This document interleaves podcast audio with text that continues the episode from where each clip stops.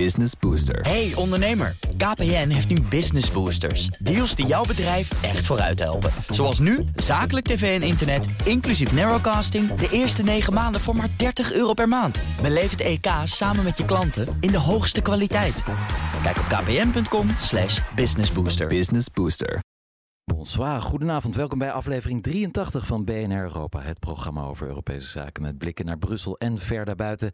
Ik ben Stefan de Vries, we zijn in Amsterdam. En naast mij staat mijn collega Eurocommissaris Geert-Jan Haan. Bona niet. Dat eh, klinkt natuurlijk alsof het niet goed is, maar het is dan eh, wel goed. Goedenavond.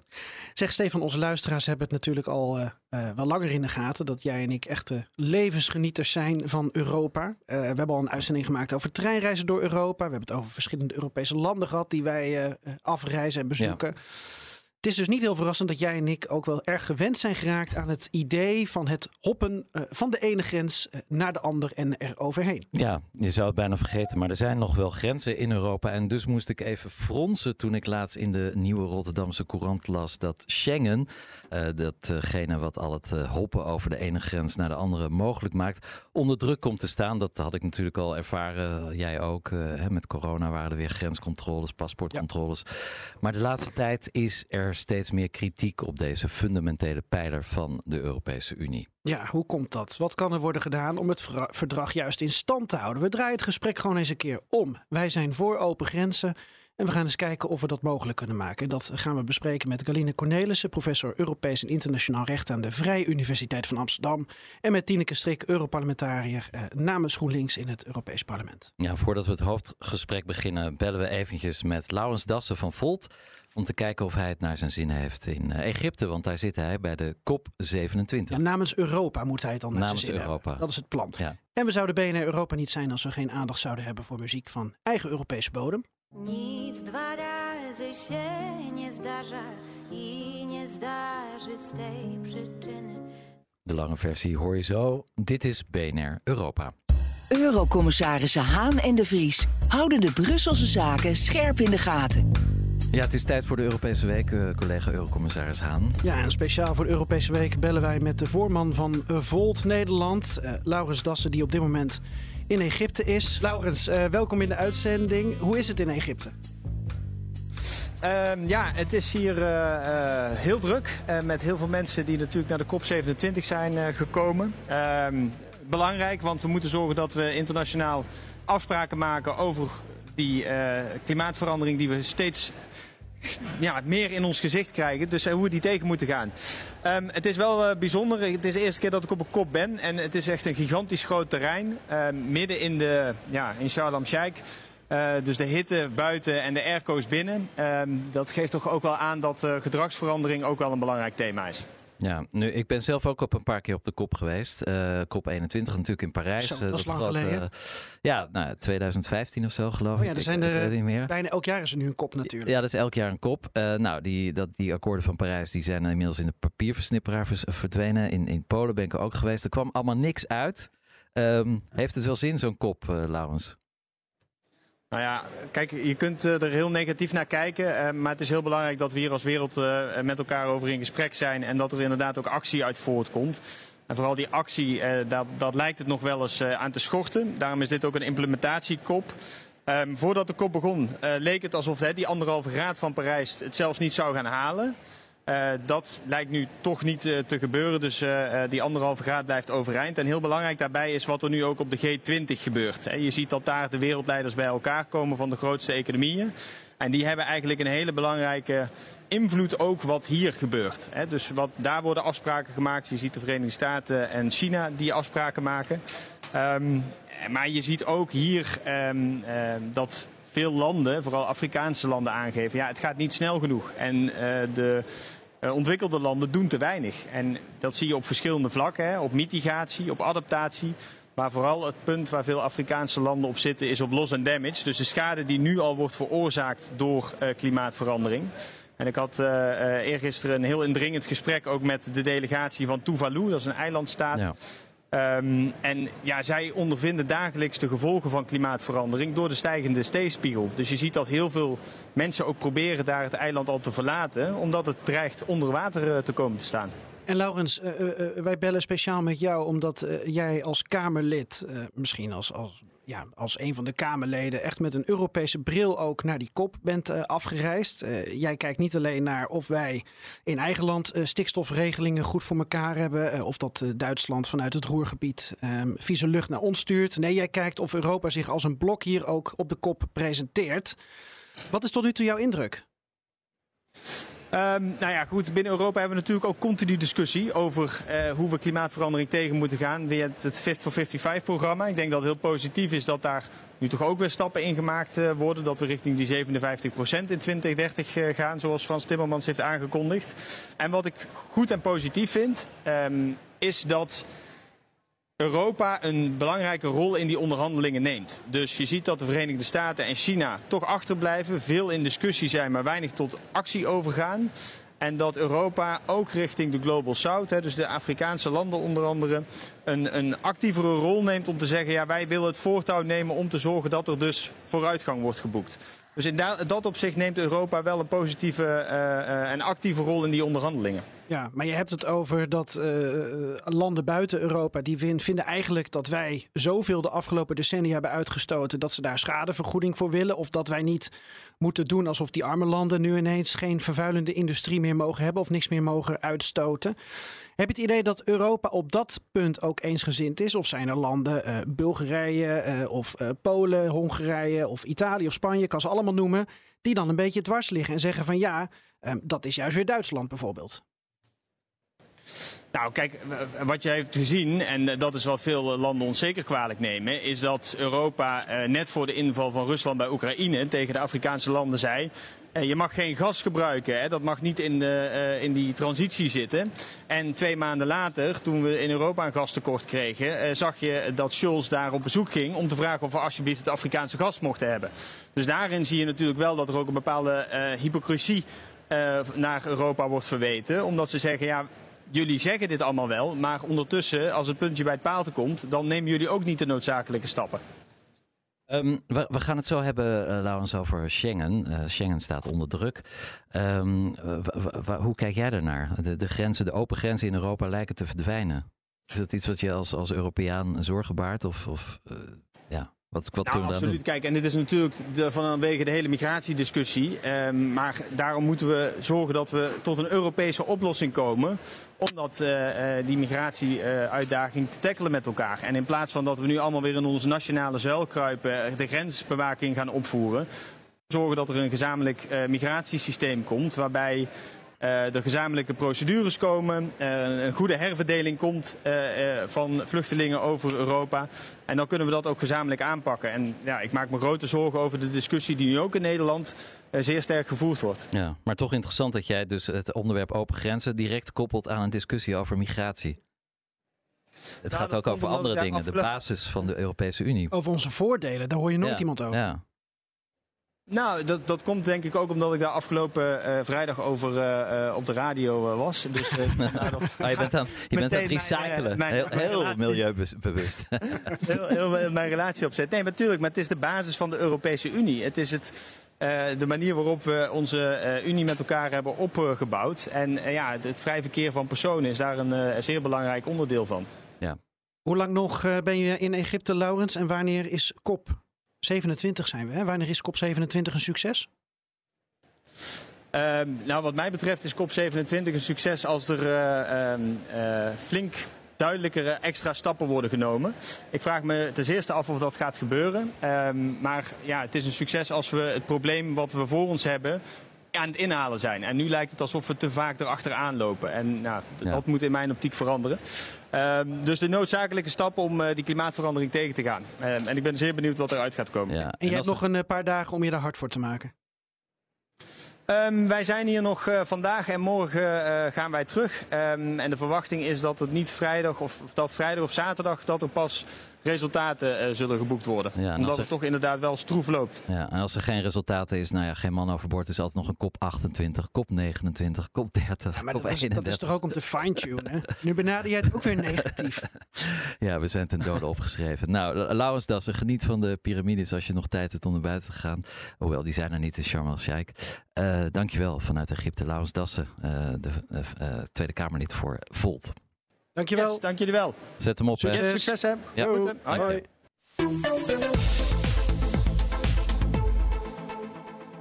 Ja, het is tijd voor ons hoofdverhaal van deze aflevering. De open grenzen in de EU staan onder druk, lazen we in de NRC. Een artikel van eh, Kees Versteeg over hoeveel eh, landen eigenlijk eh, steeds weer grenscontroles invoeren. Ehm, dit, eh, ja, het vrije verkeer van personen en goederen, een van de kernwaarden van de Europese Unie. Ehm, blijft dat ook zo, is onze vraag. Ja, wat wij horen is dat de Europese Commissie uitgewerkte plannen heeft om de maximumtermijn van zes maanden voor tijdelijke grenscontroles te verlengen naar twee jaar. En veel lidstaten steunen dan weer dat idee om die maatregelen op te rekken. Ja, niet dat de lidstaten zich überhaupt aan die regels houden, want ze doen maar wat. Eh, maar wij van BNR Europa vragen ons af of dit niet juist een probleem is. Moeten de binnengrenzen van de EU juist niet altijd vrij zijn van grensbewaking? Zeker als je weet dat Schengen een van de cruciale pijlers is van de Europese Unie. En voordat we naar onze gasten gaan, Stefan, misschien kan jij even eh, uitleggen, omdat jij de eerste keer dat we elkaar ontmoeten, heb jij een fantastisch betoog gehouden over Schengen, over wat het met je doet. en, en nog één keer, eh, eh, waarom vielen jouw haren uit toen je dit artikel in NRC las? Nou ja, om, omdat het de basis is van, van, in mijn ogen, van een unie. Eh, hè, er is ook geen grenscontrole tussen Drenthe en Overijssel. Ehm, waarom dan wel tussen Frankrijk en België bijvoorbeeld? Ehm, eh, ik vind grenzen sowieso een heel raar concept. Een van de meest idiote uitvindingen van de mensheid sinds we hier rondlopen op deze planeet. Ehm, ja, en Schengen, wat, wat, ja, het, het, het is, eh, veel mensen zal het niet zoveel zeggen. We hebben het Schengen-verdrag. wat, wat is dat eigenlijk? Maar waar, waar komt het vandaan? Ehm, nou, ik ben er geweest in Schengen. Ja, hou dat vast, Hou die dat anekdote. vast. Dat is echt een mooie eh, cliffhanger. Prachtig, prachtige plek. ja. Eh, Galina Cornelissen is hier in de studio. Professor Europees en Internationaal Recht aan de Vrije Universiteit van Amsterdam. En eh, vanuit eh, Brussel zit u toch, Tineke Strik? Ja, klopt. Ja. Ja. Europarlementariër namens GroenLinks. Dagelijks in Brussel te vinden. En ook eh, zeven keer in de maand in Straatsburg. En dan is er nog een groene week af en toe. Dan mag je reizen Gelukkig door Europa. iets minder. Ja. Iets minder.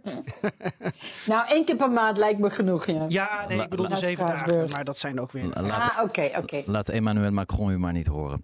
Nee. Ehm, maar goed, het reizen van Brussel naar Straatsburg en Ja. ook af en toe naar Nederland en af en toe op werkbezoek door Europa. Ja, dat gaat eigenlijk natuurlijk van een leien dakje, mevrouw Strik. Ja, absoluut. Je merkt niet eens. Je merkt alleen maar aan dat je even geen eh, connectie hebt als je in de buurt van de grens bent. Maar dat is ook zo ongeveer alles. Eh, wat jullie net ook zeiden, in coronatijd werden we er iets meer van bewust. Maar ehm, ja, het klopt inderdaad dat Schengen. eh, we zijn er ontzettend aan gewend en gehecht geraakt. En, en het geeft ook veel meer een gevoel van ehm, ehm, Europese burger te zijn, onderdeel te zijn van een, van een ruimte eh, zonder eh, controles. Dat je één Europees gebied hebt.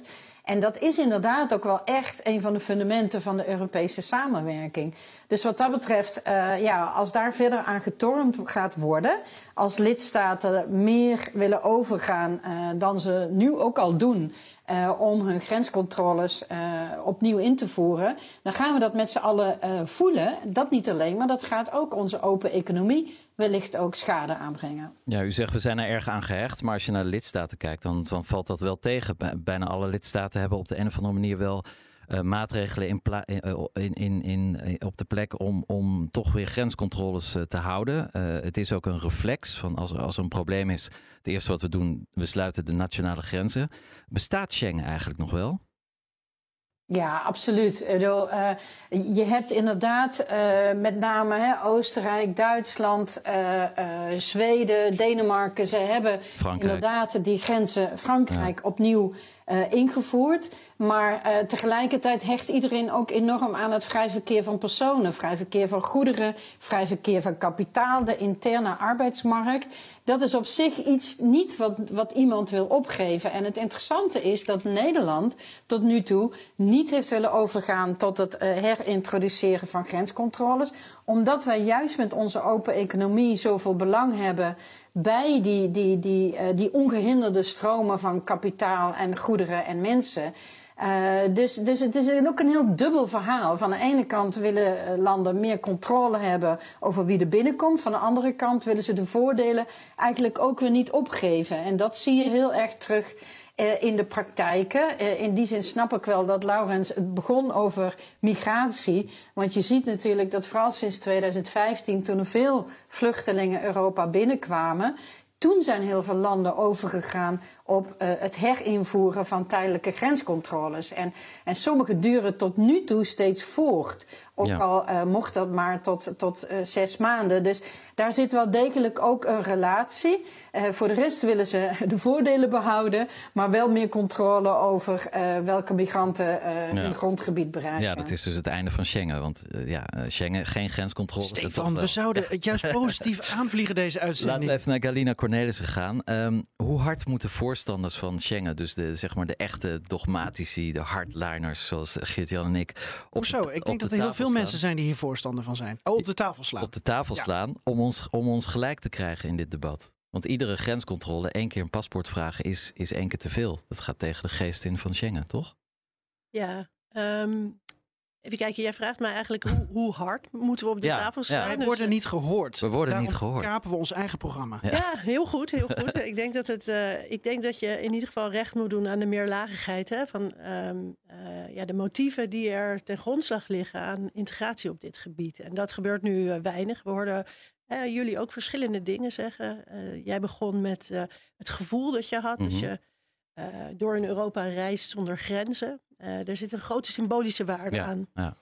Ehm, een continent dat verscheurd is geweest door, door grensconflicten voor, voor heel lange tijd. Niet zo lang als de mensheid bestaat, hè, want die grenzen zijn in dat opzicht Ja, die zijn ook heel wel recent. weer Ja. een recente uitvinding. Maar hebben voor heel veel conflict eh, gezorgd.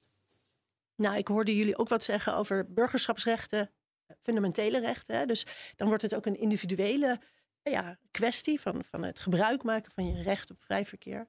Er liggen natuurlijk grote economische ehm, belangen ten grondslag aan het afschaffen van die grenzen. Mhm. Vaak wordt juist eh, de economie genoemd, hè, het, het, het, Ja. ehm, eh, het opzetten van die interne markt als de drijvende kracht ach- achter Schengen. Ik denk Mhm. dat dat wat misleidend is. Er waren ook grote symbolische ehm, eh, overwegingen hè, met betrekking tot dat Europese project.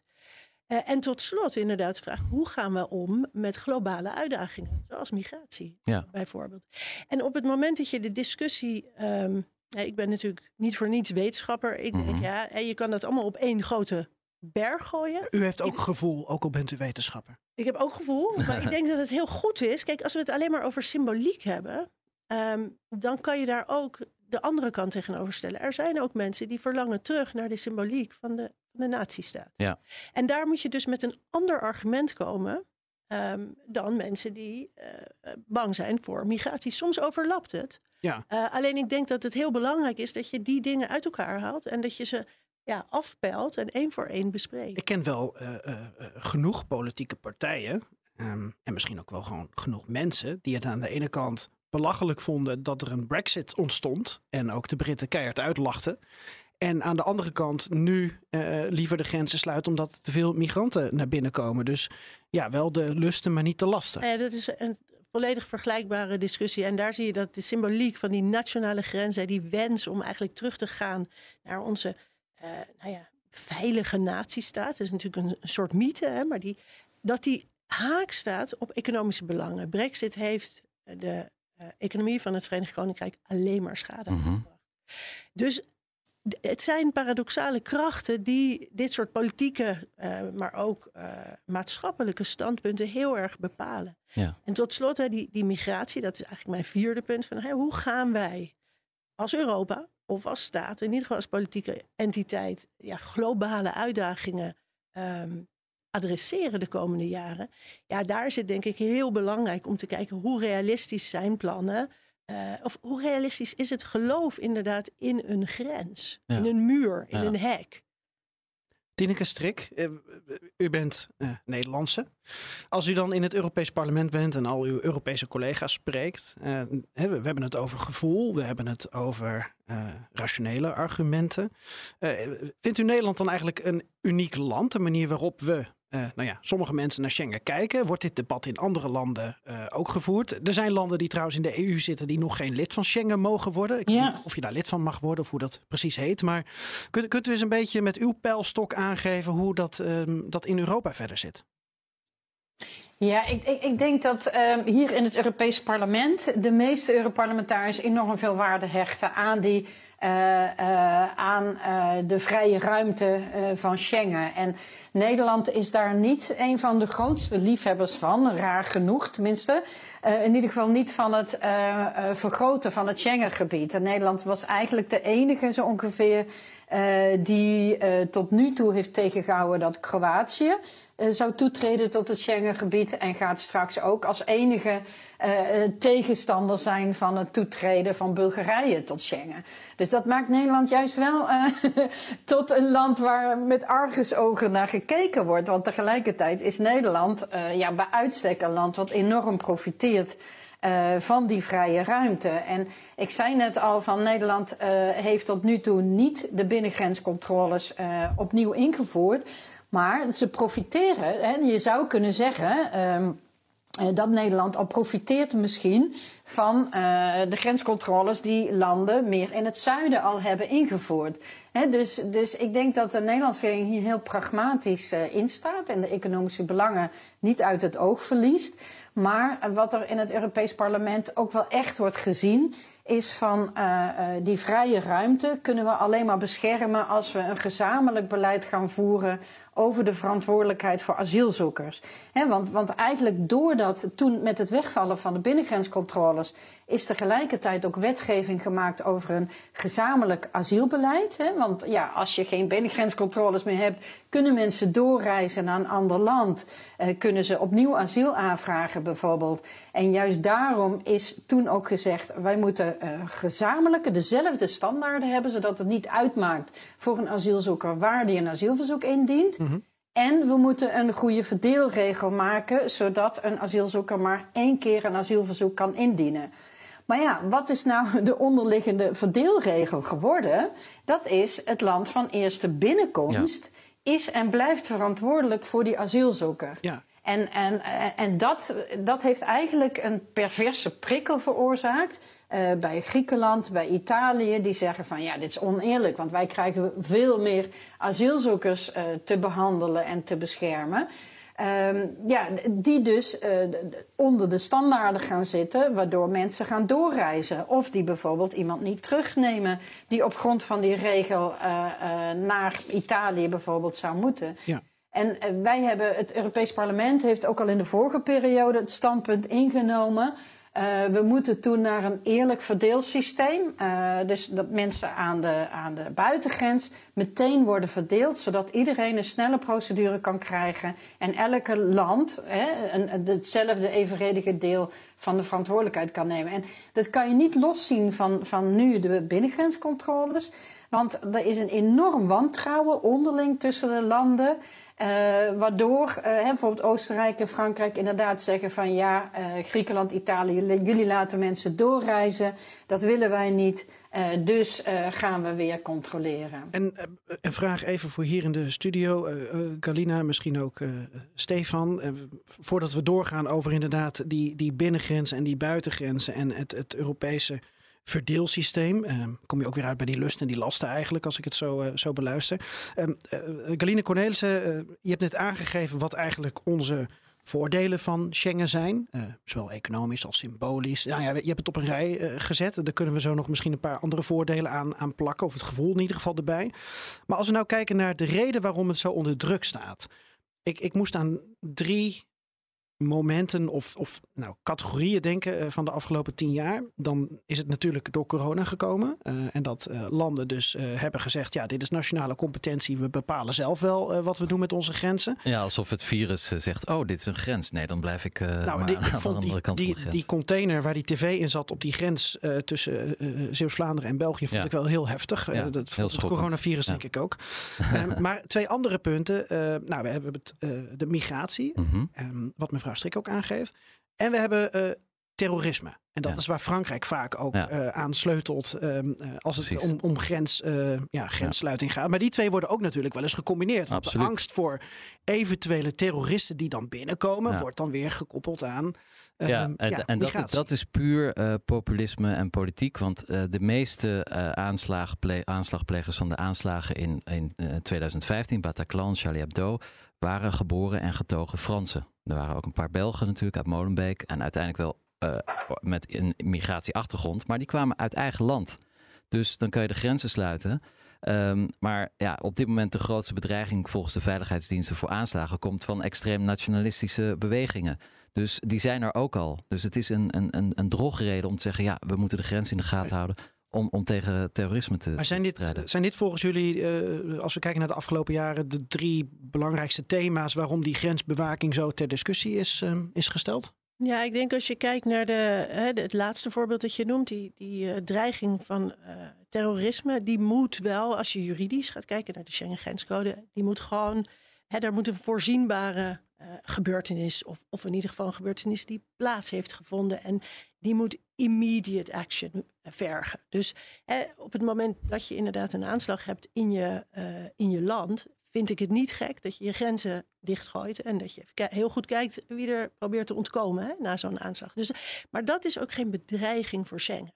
Nee. En dat is een gelimiteerde tijd. Het is, ik, ik zeg het nu uit mijn hoofd, ik zou dat op moeten zoeken, maar dat mag maximaal een half jaar, geloof ik. Ja. Eh, dat maar is tien houdt, dagen daar houdt steeds- niemand zich aan.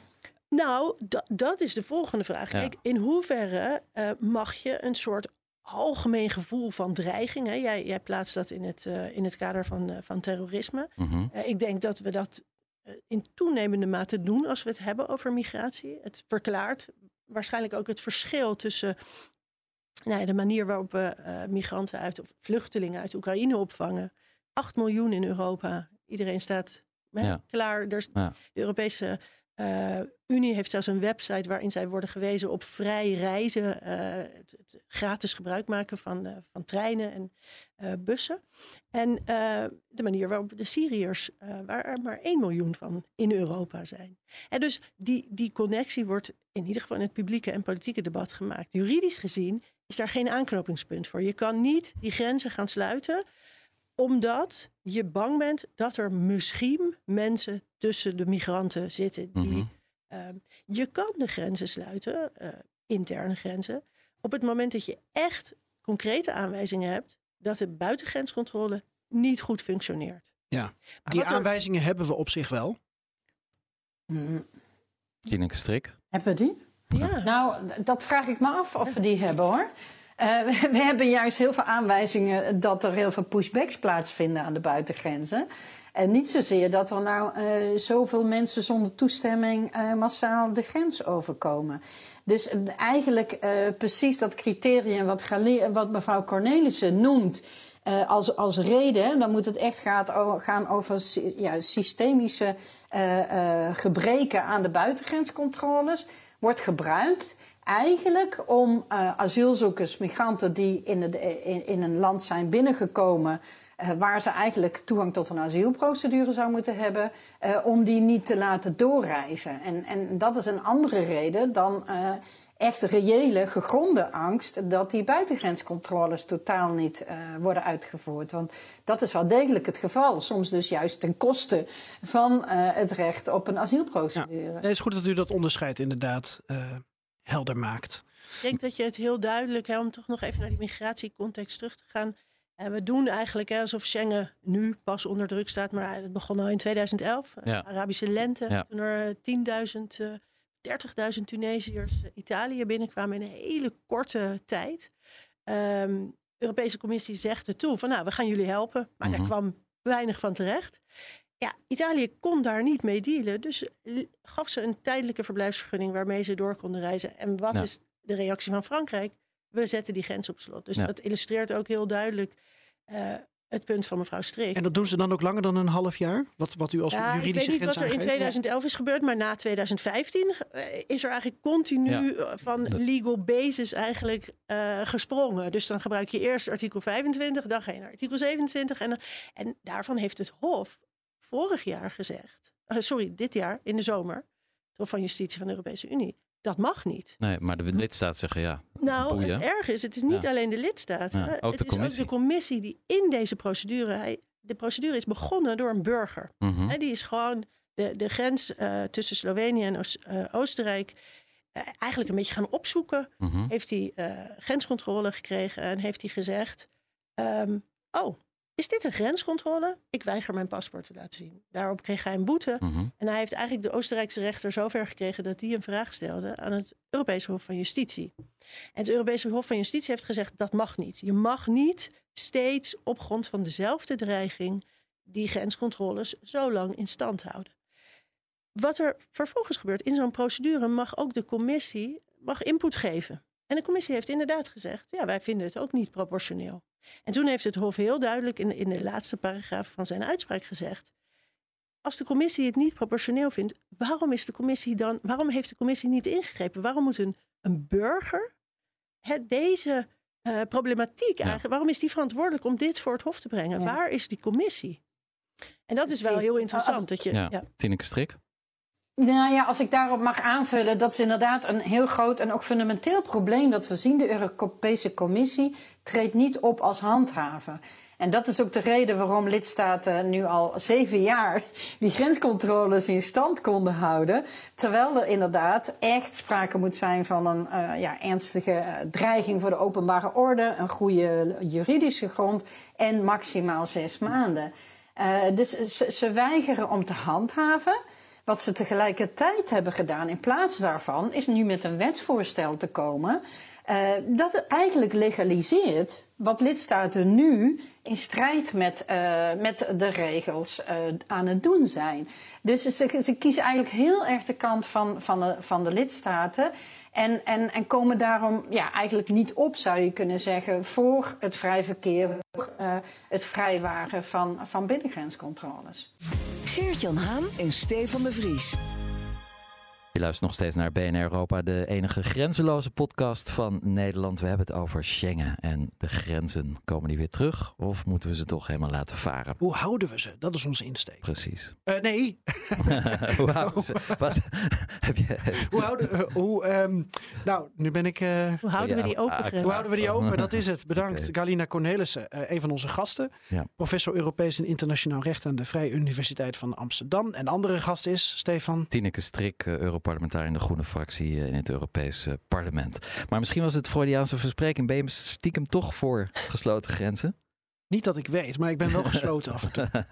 Oké, en grenzeloos. Ja. Ik denk dat we eh, het zo ook nog even moeten hebben over hoe we dan die grenzen inderdaad toch eh, open kunnen houden. En met name het, het, het, het vrije verkeer van personen, wat natuurlijk onder druk staat. Het vrije verkeer van goederen, daar hoor je niet zo vaak mensen over. Nee, dat gaat gewoon goed. Daar vertrouwen we elkaar als een Geert product. Wilders zegt nooit dat pakketje, dat mag niet binnenkomen. Nee, omdat het uit Griekenland komt. Maar dat, is staat natuurlijk raar. natuurlijk Ja. wel onder druk, hè? laten we wel wezen.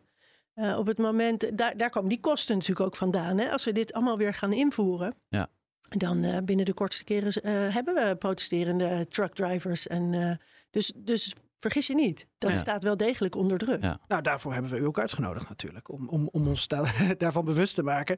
Eh, maar voordat we dan kijken naar eh, ja, hoe we die grenzen dus, dus open houden, of die discussie in ieder geval op een andere manier eh, kunnen blijven voeren, moeten we eerst even Stefan nog de ruimte geven voor zijn anekdote over Schengen. Ja. Dat prachtige dorpje. Het prachtige Schengen. dorpje aan de Moezel. Ja, ik ging daar een keer naartoe voor een reportage voor BNR.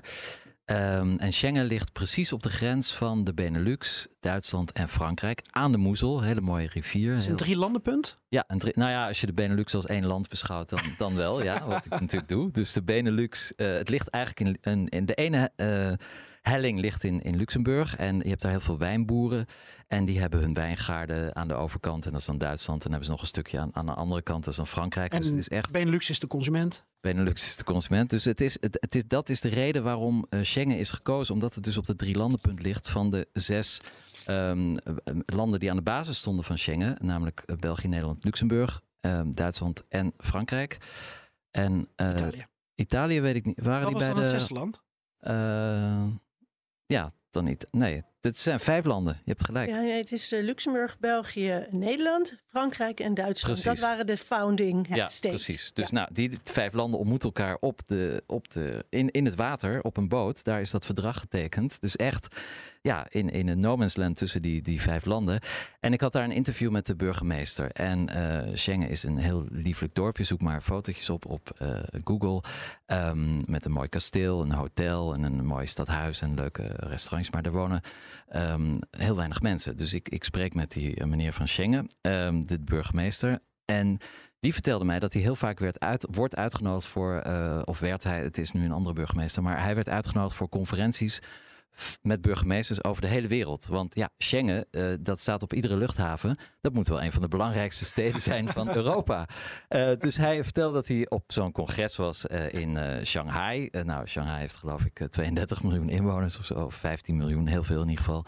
En ehm, hij zat daar naast de burgemeester van Shanghai. En die burgemeester zei van, goh, hoeveel inwoners heeft Schengen dan? Want ja, ik zie het overal. Het moet echt wel een metropool zijn. En die burgemeester zei 5, 600.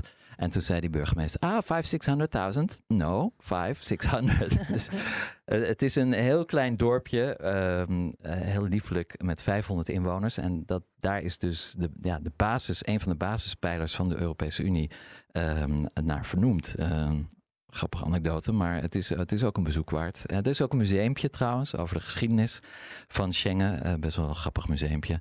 Dus voor de echte eurofielen zou ik zeggen, reis af naar Schengen. Het is niet ver, ik denk eh, vier uur rijden van Amsterdam. En nu je deze lofzang eigenlijk ook hebt gegeven op Europa, omdat het daar symbolisch, eh, eh, ja, een symbolisch voorbeeld van is. Welke, met, met, met welke vraag zou je dan nog voor onze gasten hebben over hoe we die, die grenzen dan toch open? Of hoe we dat debat eh, kunnen blijven voeren op basis van de voordelen?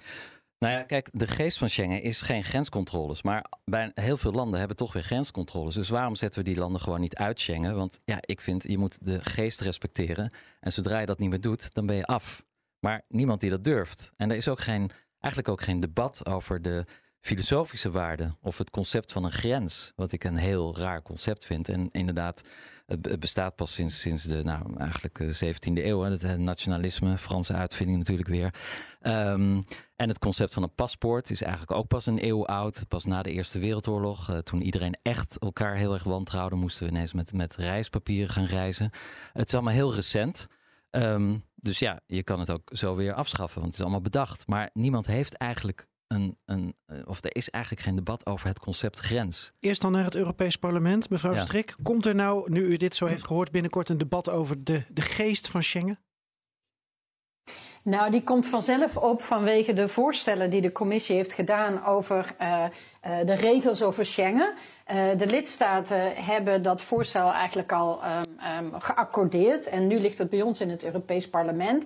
En daarin, zoals ik al zei, krijgen lidstaten alleen maar meer ruimte om eh, hun grenscontroles langer uit te voeren. Dus Kennelijk zijn de lidstaten het allemaal best eens over dat, ze, dat ze de dijken willen kunnen ophogen wanneer het zo uitkomt. Eh, en eh, op hetzelfde moment is er totaal geen overeenstemming over meer solidariteit en betere verdeling van de verantwoordelijkheid van asielzoekers. En als ik even terug mag komen op Schengen. Waarom hebben we die gekke verdeelregel? Die zat al in het eerste Schengen-verdrag. En ja, als je het dan hebt over die vijf landen, dan was ieder land eh, eigenlijk had een buitengrens wat dat betreft. En, en dat werd redelijk gelijk verdeeld. Maar landen als Griekenland, eh, Italië, alle landen die erbij kwamen, ja, die moesten gewoon stikken of slikken. Die moesten die regel gewoon ook accepteren. En ik denk, zolang de landen daar niet uh, aan, aan toe uh, aan willen, hè, om, om echt te zeggen, we gaan dat openbreken en we gaan het gelijk verdelen. Ehm, dan denk ik dat Schengen onder eh, druk blijft. En, en ook de hele solidariteitsvraag. We zagen het eh, vorige week alweer met Italië, die weigert de havens open te houden voor schepen met migranten die zijn gered Ja. op de Middellandse Zee. Eh, dus eigenlijk wordt die druk alleen maar groter. En het, ene, ja, het, het wapen dat landen dan hebben, en ook echt zoals we zien in stelling brengen, zijn die grenscontroles waar de zuidelijke landen ook economische nadelen van ondervinden natuurlijk. Ja, u, u zegt eh, gebrek aan solidariteit. Eh, Italië sluit min of meer de grenzen. Maar even terug in de tijd, 2011, begin van de Arabische lente. Eh, heel veel vluchtelingen kwamen aan op Lampedusa, Italiaans eilandje voor de Libische kust. Ehm, toen dat gebeurde was er eigenlijk ook geen solidariteit in Europa om Italië te helpen. Sterker nog, Mark Rutte zei in die tijd als reactie op die crisis... ehm, ja, dat is jammer voor Italië dat ze daar liggen. Jammer dan, dat is hun pech. Ja, Zoek het maar uit. Ja. Dus eh, is het nu niet een beetje payback time van Italië voor, voor de Europese opstelling van tien jaar geleden? Ja, nou ja, kijk, en sindsdien is er nog wel, wel meer gebeurd. Het is inderdaad eh, keer op keer dat er wordt gezegd vanuit het zuiden van die regels moeten anders, want dit is niet eerlijk. Geef de noordelijke landen niet thuis. Het enige wat ze zeggen, nou, wij willen wel op vrijwillige basis af en toe mensen overnemen. Maar goed, maar je hebt de afgelopen jaren gezien eh, over welke aantallen het we dan hebben. We hebben in Nederland is eindeloos onderhandeld Ja. over zo'n 100 eh, mensen die van Lesbos eh, zouden mogen overkomen. Dus die vrijwilligheid, eh, ja, dat biedt veel te weinig soelaas. Ehm, en, en, en dan zie je dus dat de wal het schip keert. Want eh, zolang het noorden of andere landen niet eh, willen tornen aan die, aan die oneerlijke regel, ja, gaan, eh, ga- gaan zuidelijke landen eigenlijk de facto hè, regelen dat mensen wel naar het noorden reizen. En eh, ja, eigenlijk zou dat nou ook tot nadenken moeten stemmen van... ja, dit gaat gewoon niet werken. Je, je, je kunt bruggen ophalen, maar we zijn in ruimte. En we moeten dus eh, eh, zorgen voor gezamenlijke oplossingen en verantwoordelijkheid. Ja, eh, Galina Cornelissen. Ik was nog wel benieuwd naar iets dat we eigenlijk eh, het afgelopen half uur nauwelijks benoemd hebben. Eh, arbeidsmigratie. Gaat het ook vaak over als we het hebben over eh, vrije grenzen. Mhm. Want dat wordt als een, een voordeel in principe gezien. Of wordt het tegenwoordig ook weer als een nadeel gezien?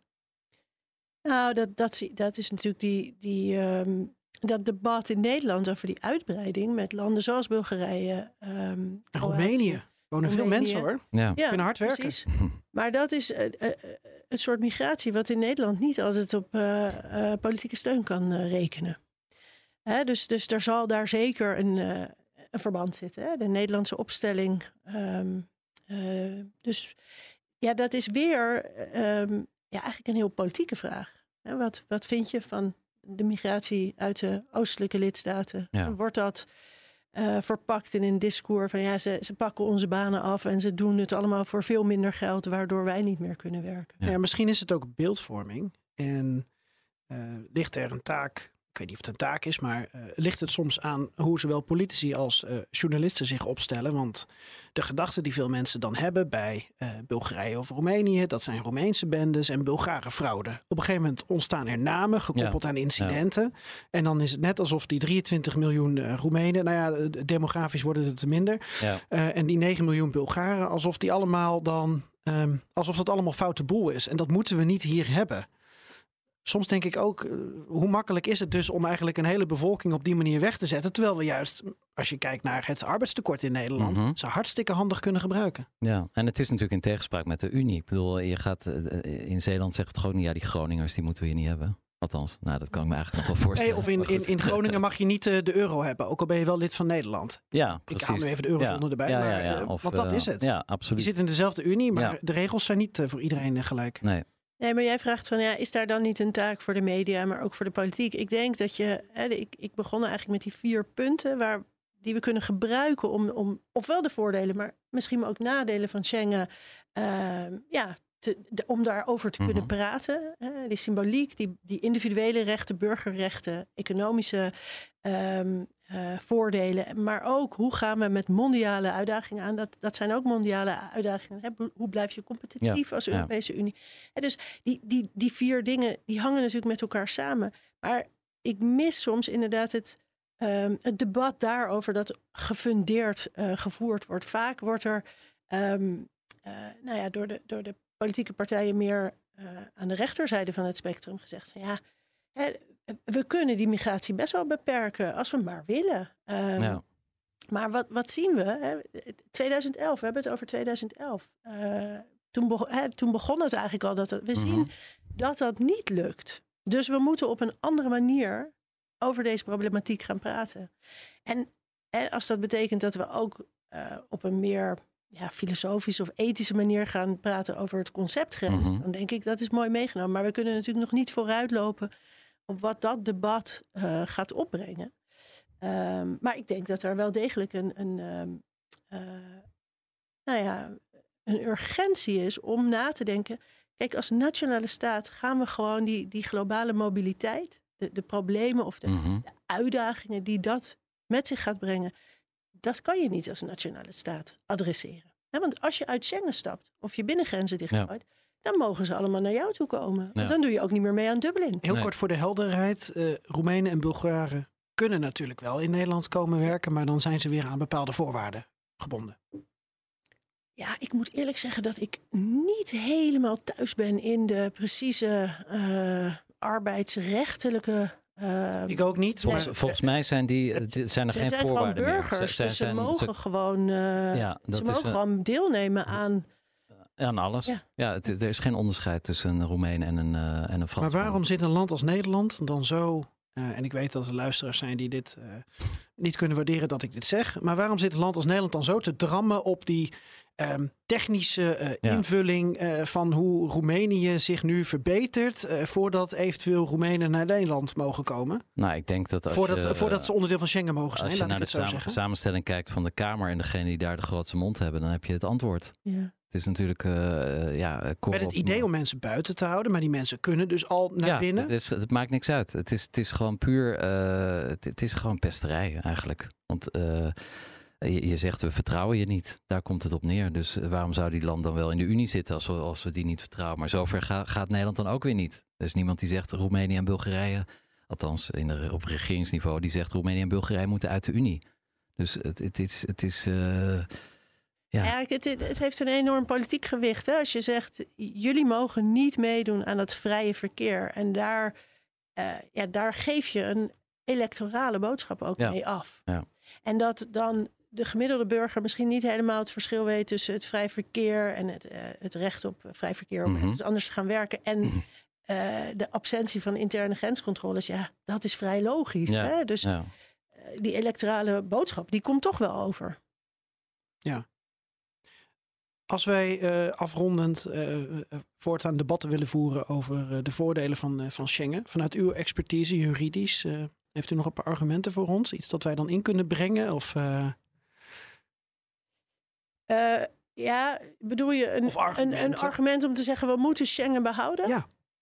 Nou, dat zou denk- Stefan ik heel denk- veel rust geven. Ik denk, ja, maar dan ook absoluut. En ook niet meer die regel dat je zes maanden grenscontroles mag invoeren. En ook Eh, geen uitzonderingen. ik denk dat Open dat. grenzen of Ja. niet? Nee, ik denk dat dat. ehm, wij, wij, wij zijn een Europese Unie, we zijn geen nationale staat. Het is wel grappig. Ik vertelde gisteren even tegen mijn eh, zoontje van tien dat ik bij jullie zou praten over, eh, over Schengen. En ik legde me het een beetje uit en wat dat dan was. En toen zei hij: Oh, oh dan is het eigenlijk gewoon een land, Ja. de Europese Unie. Maar Ja. dat zijn we niet.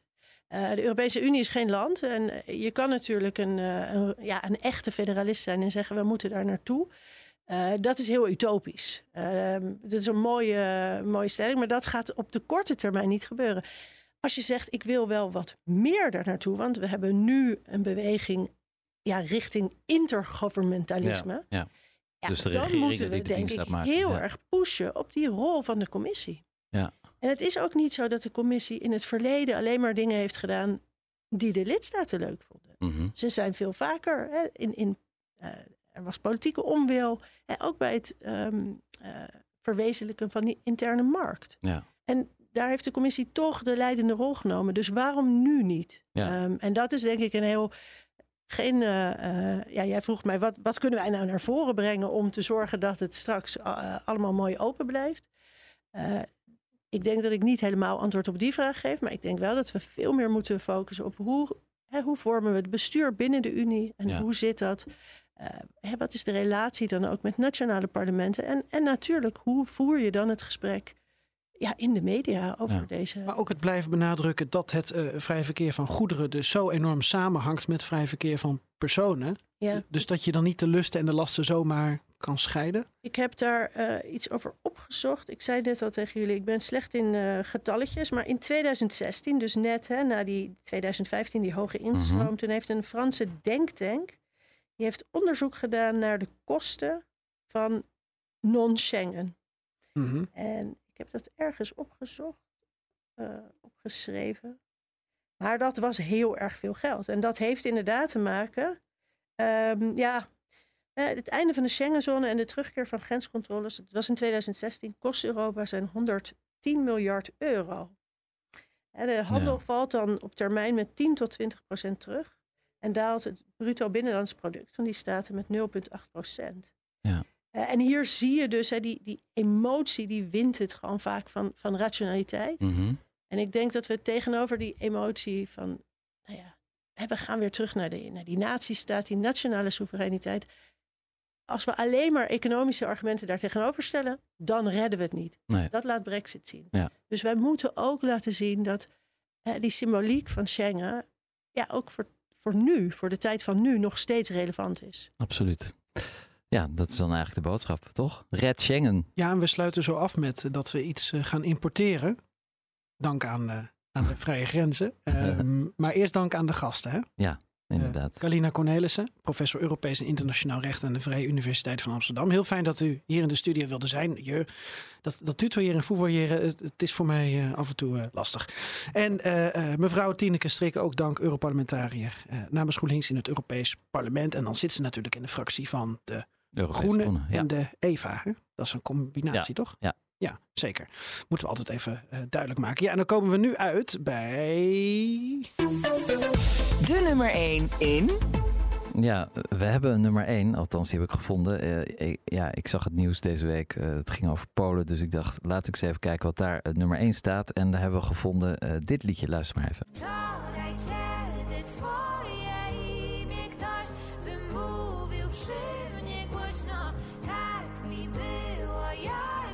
Ja. Ik herken die Ja, stem. ik, toen ik je het liet horen, zei je, hey, Ik herken die stem. Ja, nou. want wij hebben in een van de eerste afleveringen, was het aflevering 6 of 7, Ja, hebben we ook een nummer 1 gehad uit Polen. En dat was dat was ook mij- deze dame. Sana heet ze. En dat was zo'n leuk liedje. Ja, Dit nou, is een wat meer eh, eh, ballade. Ja, een ballet is het ballade?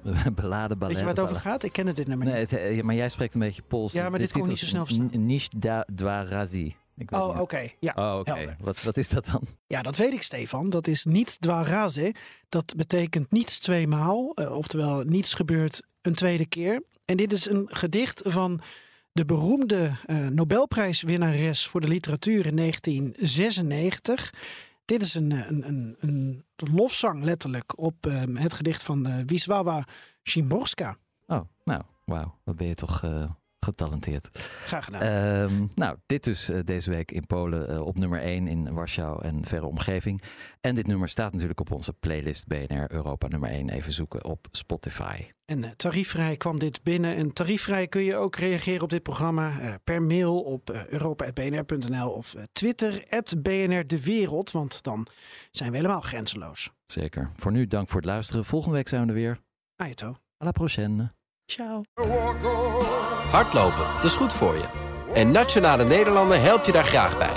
Bijvoorbeeld met onze digitale NN Running Coach... die antwoord geeft op al je hardloopvragen.